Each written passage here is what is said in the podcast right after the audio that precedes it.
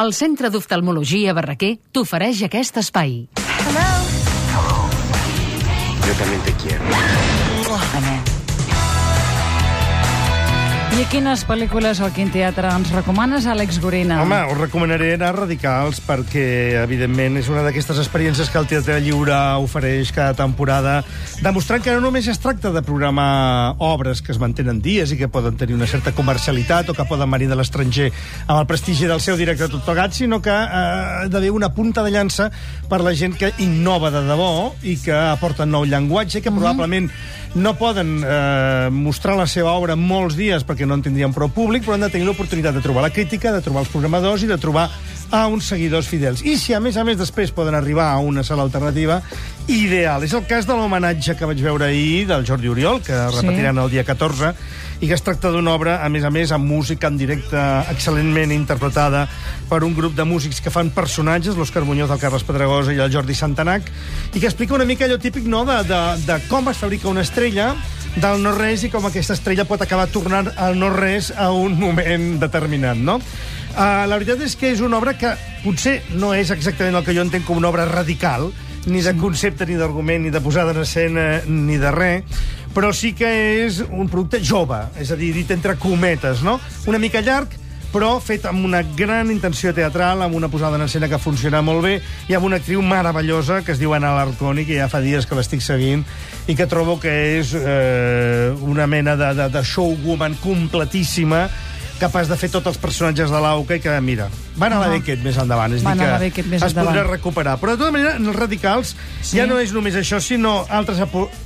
Hi ha gent que pots apostar, no? com el Nau Albet i el Marcel Borràs, que arribaran amb un Hamlet 3, que va estar també una parella descobriment de fa la 12 mesos aproximadament, que reincideixen. L'Albert Serra, director de cinema, presentarà Més enllà dels Alps, que és un misteri total, però que evidentment ve acompanyant ja una mica, mm, fins i tot...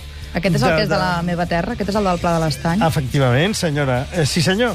Eh, és guanyador de Premis Gaudí, honor de cavalleria, el cant dels ocells, etc etc. I no és l'únic, perquè, evidentment, també hi haurà altra gent com el Rodrigo García, que ja són uns habituals d'aquestes propostes escèniques, etc. No? O sigui que hem de fer una mica de seguiment, però també apostar pels que no coneixem, perquè no pot ser que ja els que s'han fet una mica famosos siguin els que ens cridin de seguida. Hem d'anar a buscar entre els nouvinguts mm. aquests que encara poden convertir-se a, a, a, en gent realment eh, que posi sal i pebre a la nostra vivència teatral. Del bé. 4 al 15 de maig, cicle de nova creació escènica, al Teatre Lliure, Sala Fabià Puigcerver, també al Hall, una, una mica tot arreu, no? Bé. Fixeu-vos bé en el calendari, poques representacions de cada cosa, i a tot a tot, ja sé que potser no arribarem, però escolta... Mai s'hi arriba, eh? Mai fem arriba. una mica d'esforç i fem una mica d'aposta no? per eh, la gent jove del país, que de debò s'ho val, eh? Molt bé, ara hem parlat un momentet de teatre, arriba el moment Sí. del cinema. La veritat és que aquí no parlarem de radical, sinó de tot el contrari, perquè després de la visita l'altre dia del nen de cap, de cap vespre, no?, de Robert Pattinson, de la Ah, sí, tontíssima... home, va sí. causar furor a Barcelona aquesta Sí. visita, eh? He dit cap vespre i hauria de dir crepuscle. He dit, es pot dir, es pot dir, és com s'ha dit aquests dies, no? Agua para elefantes és una pel·lícula dotada i beneïda per allò que podem dir classicisme cinematogràfic en el pitjor sentit de la paraula. És a dir, estem davant d'una obra plantejada com si fos un producte de William Wellman dels anys 30 sense la cal·ligrafia, la claredat mental, la intencionalitat dramàtica, la bellesa de formes i, eh, evidentment, també els actors que teníem en aquell període del cinema americà. Ni el Robert Pattinson s'ho val, ni la tontíssima de la Reese Witherspoon. Sí, eh, de debò. Aquesta és la qualificació no, que és fas. que és tontíssima, ho dic per una raó especial, i és perquè la gent que acompanyava els joves actors que han vingut de promoció, allò, eh, fo fora, Fora d'escena, fora de micro, et deien és insuportable, i la gent que l'envolta més encara. Han fet arribar tothom tard una hora a, a la roda de premsa, i és molt simpàtica de cara a la galeria, però quan està de cara endins és una arpia total i absoluta. Llavors ja entren com, li entren com, ens entren com ganes. Bueno, escolta, la història del cinema està plena de gent que adorem i que potser per darrere eren... Com els escriptors, Per no? tant- Per exemple, que a vegades ens agrada molt la seva obra, Clar. i si són vius i els coneixes, personatges... Qui ens pot dir si com Michelangelo actors, era un cabronàs? Bandarra, com els presentadors de tele i de ràdio. Sí, sí, bueno, clar. Sí, Què clar. hem de dir? Què hem de dir? Què n'hem de dir? Res. Ara, el, allò que es diu el Star System continua funcionant igual. És a dir, els guapets aquests Venen. poden aguantar una pel·lícula, venen i agua per elefantes, que és una pel·lícula que no s'aguanta massa, l'evidència Ja. és antiquadíssima. Si voleu anar per posar-los en la vostra ment com qui posa les fotografies enganxades a la carpeta, doncs aneu-hi. Però costa molt Ja no de guanyar portem, eh, diners. carpetes amb No, fotografies enganxades aquí a la redacció. Tu no. Ah, Però que sí? venen els de darrere, que ens faran fora, i venen amb la carpeta amb el Robert Pattinson, Ah, de ben sí? segur, eh? Sí, sí. Uh, rompecabezas no l'hem dit, oi, encara? No, Rom- no l'hem i dit què? encara. Bé, Rompecabezas sí que és una pel·lícula diferent, és una pel·lícula argentina amb una actriu meravellosa que es diu Maria Oneto, és una pel·lícula senzillíssima. Jo recordo el començament de un... Los cipreses creen en Dios, del Josep Maria Gironella, que me'n recordo d'una escena al començament que era una mare de família a Girona que fa una truita i resa.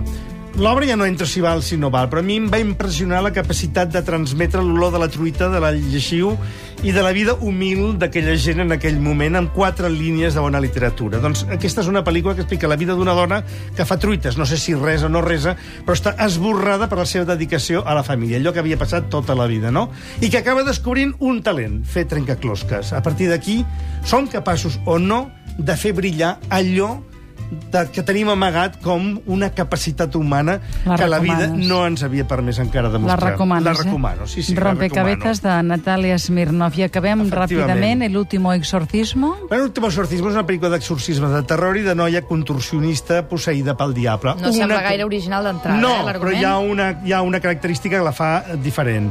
Ironia i estil cinematogràfic modern, el que vol dir intent de fer un fals documental sense enganyar ningú. No ho és. No és de veritat el que ens expliquen, però l'estil periodístic que ha fet servir permet una aproximació que no és la típica que explota allò que es diu la capacitat de la gent per creure's aquestes històries. Gràcies, Àlex Va, que hem de dir qui guanya avui el Premi de l'Altra Riera. Catalunya Ràdio. Barraquer, la teva visió és la nostra raó de ser. El glaucoma.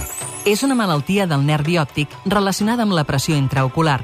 Els pacients no solen tenir-ne símptomes fins que estan dins la fase avançada. Per això, són fonamentals les visites periòdiques a l'oftalmòleg, més encara quan hi ha factors que hi predisposen. Entre d'altres, ser més gran de 40 anys, tenir-ne antecedents familiars o estar afectat de miopia, diabetis o hipertensió. Els pilars del tractament són tres, farmacològic, amb làser i quirúrgic. Unitat de glaucoma. Centre d'oftalmologia Barraquer. www.barraquer.com Amb un diagnòstic precoç i som a temps.